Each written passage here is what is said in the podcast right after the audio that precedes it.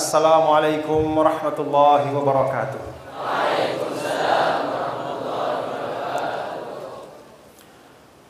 Alhamdulillah. Wassalatu wassalamu ala Sayyidina Muhammad ibn Abdullah Wa ala alihi wa ashabihi wa man tabi'a hudah ila yaumil qiyamah. Amma ba'd. Yang sama-sama kita doakan Semoga Allah sehatkan dan afiatkan. Syekhul Ma'had Al-Syekh Al-Haj Abdul Hamid عافاه الله وشفاه شفاء لا يغادر سقما ولا ألما أبناؤه الكرام بالخصوص Al-Syekh Muhammad Tahir Zain Beserta abna'u ammihi yaitu seluruh keluarga besar dari pengasuh Pondok Pesantren Membaul Ulum Bata-Bata. Kita semua doakan mudah-mudahan para masyayikh, para asatidz dan beliau semua dipanjangkan umur dan disehatkan oleh Allah Subhanahu wa taala. Anak-anakku, para tulab dan talibat, bil khusus al hadirin fatahallahu alaikum futuhal arifin semoga Allah Subhanahu wa taala membuka hati kalian semua memberi kalian ilmu-ilmu yang berkah menjadikan kalian sebagai wadah ilmu hikmah dan adab yang serupa dengan adab Nabi kita Nabi besar Muhammad sallallahu alaihi wasallam. Karena Allah Subhanahu wa taala imtanna ala rasulih laisa bil ilmi wala bil syakli wala bil jismi wa innama imtanna alaihi bi khuluqin azim faqala ta'ala wa innaka la ala khuluqin azim Allah Subhanahu wa taala tidak memuji rasulnya dengan ilmu Allah Subhanahu wa taala tidak memuji rasulnya dengan wajah yang gagah. Dengan harta apalagi. Namun Allah Subhanahu wa taala madaha rasulahu sallallahu alaihi wa alihi wasallam bi'uluwil khuluq bi'izamil khuluq yaitu dengan kemuliaan akhlak. Maka tadi pada saat saya diperlihatkan oleh pimpinan Ma'had video pendek tentang bata-bata. Di situ ada tertulis kesopanan kalau tidak salah ya. Kesopanan apa? Lebih tinggi dibandingkan kecerdasan. Itulah wa innaka la'ala khuluqin azim. Para ulama menyebutkan al-akhlaqu qabla al-ilmi. Bahwa akhlak itu memang tempatnya sebelum ilmu. Maka dulu sering kakek kami Al-Maghfurullah Maulana Syekh Tuan Guru Kiai Haji Muhammad Zainuddin Abdul Majid menceritakan bagaimana proses beliau menuntut ilmu. Ketika dibawa oleh ayah beliau almarhum Haji Abdul Majid ke Mekah. Lalu digandeng keliling di Masjidil Haram dari satu halakoh ke halakoh yang lain mencari ilmu dan mencari pembimbing. Dilihat satu syekh pindah ke syekh yang lain, pindah ke syekh yang lain sampai kemudian hati dari orang tua beliau itu tertambat, tertarik dan terpesona dengan salah seorang syekhul masyayikh yang mengajar di Masjidil Haram yaitu Syekh Hasan Muhammad Al-Masyad. Diikutilah Syekh Hasan Muhammad Al-Masyad oleh orang tua dari Maulana Syekh bersama anaknya. Dituntun. Ternyata Maulana Syekh Hasan Muhammad Mashad Maulana Syekh Hasan Muhammad Al-Mashad Beliau mengajar juga di Madrasah As-Saulatiyah Datanglah Ayah dan anak ini. Lalu Muhammad Saqaf yang kemudian berubah menjadi Muhammad Zainuddin Abdul Majid itu menyampaikan hajatnya ingin mengaji. Maulana Syekh Hasan Muhammad Al-Masyad bertanya kepada beliau. Yang ditanyakan itu bukan berapa kitab ilmu-ilmu alat yang sudah dikhatam. Yang ditanyakan itu bukan berapa juz Al-Quran yang sudah dihafal. Yang ditanyakan itu berapa bukan berapa bait syair yang sudah dihafal. Tapi yang ditanya oleh Maulana Syekh Hasan Muhammad Al-Masyad kepada Muhammad Zainuddin Abdul Majid atau Muhammad Saqaf pada waktu itu adalah apakah kamu sudah khatam kitab Ta'limul Muta'alim itu yang ditanya. Jawabannya belum, disuruh pulang. Datang kembali setelah kamu selesai mengaji ta'limul muta'alim. Setelah khatam ta'limul muta'alim baru mengaji ilmu pada saya. Apa maknanya? Ta'limul muta'alim itu isinya adab wa akhlak. Maka al-adab qoblal ilmi. Kesopanan itu lebih tinggi dibandingkan kecerdasan.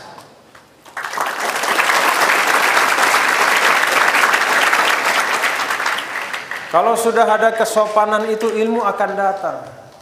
Kalau sudah ada adab, maka doa-doa orang soleh akan terlimpah kepada kita. Maka saya tadi takjub ketika datang, kemudian bertemu di ruangan para pimpinan pondok, dibariskan di depan saya itu santri-santri yang pertama bahasa Spanyol. Yang kedua bahasa Cina. Mukanya orang Madura, tapi kok keluar bahasa Cina. Itu ajib. Habis itu ada lagi yang bahasa Jepang. Masya Allah. Saya bilang sama pimpinan pondok, kalau saya tahu bahasa Jepang itu cuma Suzuki, Toyota, Kawasaki, ya, Honda. Ini dia kalau bahasa Sasa itu ngeropek bahasa Jepangnya. Hampir-hampir seperti orang Jepang yang saya temui kalau sedang berwisata di Lombok. Pakai peci, kelihatan sudah ngantuk, lemes karena belum makan malam. Wih, tapi bahasa Jepangnya luar biasa. Habis itu dihibur lagi dengan yang berbahasa Perancis. Bahasa apa lagi tadi? Bahasa Korea. Masya Allah Itulah limpahan-limpahan ilmu ke pondok pesantren ini Alhamdulillah. Maka para santri dan semua anak-anakku yang saya cintai Boleh saja kalian berada di sudut yang jauh dari keramaian. Boleh saja kalian berada di suatu tempat yang dikatakan dusun dan kampung. Tapi kalau kalian punya bekal iman, punya bekal akhlak, punya bekal ilmu, maka insya Allah kalian akan bisa menjelajah sampai ke ujung-ujung dunia insya Allah. Dari bata-bata ini insya Allah akan keluar pemimpin-pemimpin bangsa. Dari bata-bata ini insya Allah karena sudah dilatih, dilatih untuk bisa berprestasi di dalam keterbatasan. Itu tidak mudah. Dilatih untuk tetap memberikan yang terbaik. Mutamayyiz. Menjadi orang yang berprestasi. Walaupun tidak ada prestise. Dengan bekal iman, ilmu dan akhlak. Tadi saya tanya sama Ustaz Febri yang menemani saya di mobil, sudah sampai belum? Sedikit lagi Kemudian di dekat ujung kota ada dua sepeda motor yang menjemput dari pondok. Oh, berarti sudah dekat kata saya. Ternyata masih jauh juga. Jadi mutar, mutar, mutar, mutar, mutar. Masya Allah. jauh di dalam tempat yang namanya bata-bata ini Allah takdirkan ada mamba walaisa ayyaman ba'in wa innama huwa manbahul ulum Allah takdirkan di sini tidak Allah takdirkan di tempat yang jauh ini ada sumber bukan sembarang sumber tapi sumber dari ilmu-ilmu yang barokah. Tidak apa sekarang di depan saya ini saya lihat santri-santri yang pecinya miring-miring. Yang wajahnya kelihatan sudah ngantuk tapi takut ketiduran. Ya. Karena takut mungkin dianggap kurang sopan. Kalau sudah terlalu ngantuk nggak apa-apa tidur. Ya. Tidak apa-apa. Di depan saya ini adalah wajah-wajah dari santri yang seperti Anda lah, seperti antum lah. Seperti anak-anakku lah wajah saya dulu. Pada pertengahan 1985 sampai 1991, 6 tahun saya mondok di pondok pesantren Darun Nahdlatain dengan peci yang miring. Dengan wajah yang persis seperti kalian anak-anakku. Alhamdulillah. Kalau dari tengah pelosok Lombok bisa lahir seorang gubernur, maka dari pelosok Madura harusnya bisa lahir lebih dari seorang gubernur.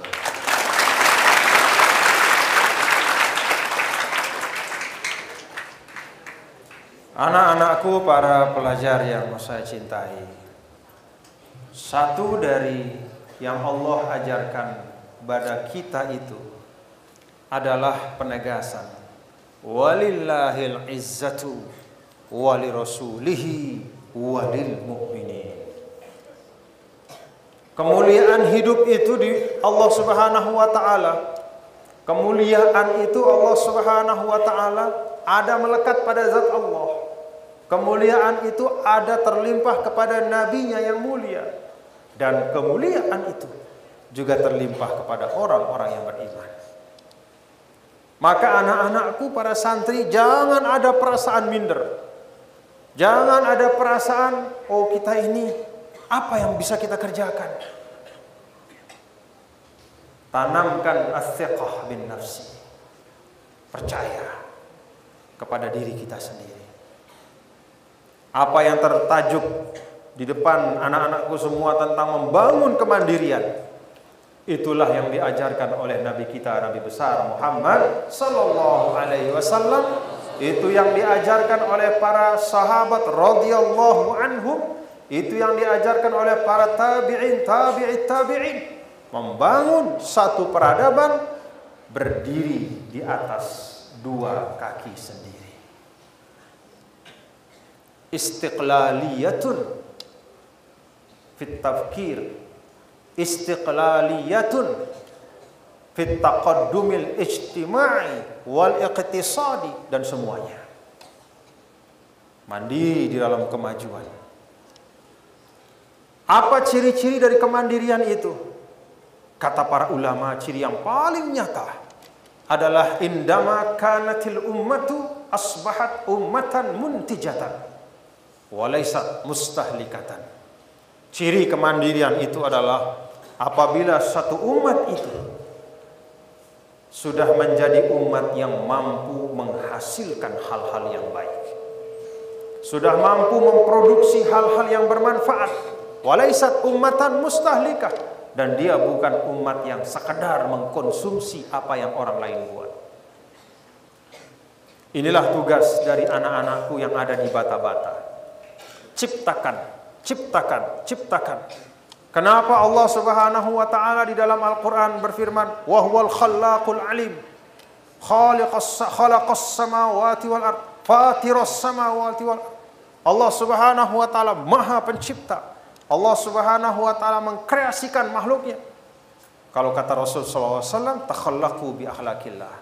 Asmaul husna itu adalah pelajaran bagi kita. Kalau Allah sifatnya Maha Pencipta, maka di dalam kehidupan kita pun mari kita menjadi orang-orang yang bisa menciptakan kebaikan. hasilkan kebaikan, hal-hal yang bermanfaat. Entah itu berupa pemikiran, entah itu berupa barang, entah itu berupa apa pun. Hal-hal yang baik, yang manfaatnya bisa dirasakan oleh orang lain. Kita sekarang umat Islam ini masih menjadi ummatun mustahlikah. Orang lain yang buat, kita yang pakai dan kita rusak. Punya handphone? Angkat tangan yang punya handphone. Hah? Gak boleh? Alhamdulillah.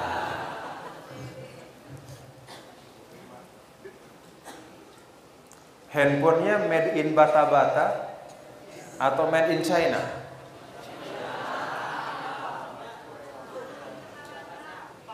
Mana tadi yang pintar bahasa Cina itu, masya Allah. Saya heran ya. Wajahnya Madura asli, tapi fasihnya bahasa Cina kalah-kalah orang Kanton dan Guangzhou. Mirip Jet Li dan Jackie Chan. Sedikit. Miripnya sedikit. Periksa apa yang ada pada kita. Ini saya punya handphone. Mereknya Apple. Apple itu merek Amerika, tapi assemblingnya di China. Pabriknya itu di China. Mereknya punya Amerika, pabriknya di China. Komponennya dibuat oleh Cina dan Korea. Kita beli, kita pakai, kita rusak. Ummatun mustahlikah. Umat konsumtif yang mem memakan, menghabiskan dan tidak memproduksi. Ada yang kita pandai memproduksi. Produksi apa? Anak. Nah, itu kalau itu tidak perlu dipertanyakan. Bagus itu. Fa inni mubahin bikumul umama yaumal qiyamah. Karena umatku ini banyak kata Rasul sallallahu alaihi wasallam, maka aku banggakanlah umatku ini di depan malaikat. Karena jumlahnya besar. Tapi yang diminta oleh Rasul sallallahu alaihi wasallam itu jumlah besar yang seperti apa? Anda ini para tulabul ma'had. Jumlahnya 9000 hampir 10000. Pondok pesantren terbesar dengan satu pengasuh di tanah Madura ini. Alhamdulillah. Tapi tidak cukup.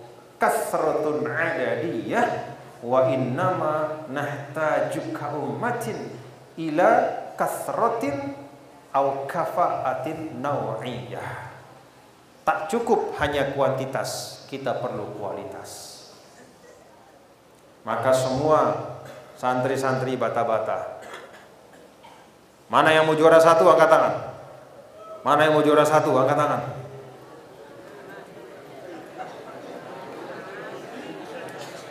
Masya Allah, ada yang tidak angkat tangan, sekedar mau juara saya tidak berani. Hah? Hah? Beranilah bermimpi anak-anakku. Beranilah bercita-cita. Beranilah bermimpi, beranilah bercita-cita. Beranilah untuk membangun harapan-harapan masa depan. Kata ulama, laulal ma abghal Aisyah laula wus'atul amal. Rasanya hidup ini tidak indah kalau kita tidak punya cita-cita yang tinggi. Anak-anak, para santri, tanamkan cita-cita yang tinggi. Dengan bekal yang tadi dari guru, syekh kalian, kesopanan lebih tinggi dibandingkan kecerdasan. Tapi kecerdasan itu juga penting. Tapi kecerdasan itu juga penting.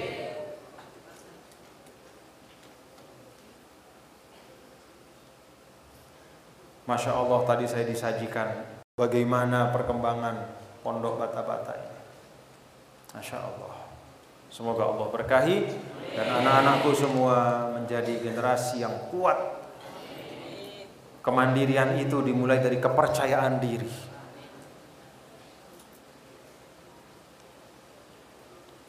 Walillahil izzatu wali rasulihi walil. Percayalah dengan bekal semua nilai-nilai baik itu dengan apa yang dipelajari di pondok pesantren ini itu insya Allah lebih dari cukup untuk menjadikan antum semua menjadi khairun nas anfa'uhum linnas. Allahumma fiq wal hadi ila sabili rasyad wa huwa muwafiq ila aqwamit thariq karena waktu sudah larut dan anak-anakku santri juga perlu beristirahat saya juga perlu beristirahat maka kita cukupkan semoga ini bukan pertemuan terakhir dan kita bisa terus bersilaturahim. Insya Allah saya janji, insya Allah kalau Allah panjangkan umur saya akan datang lagi ke pondok pesantren.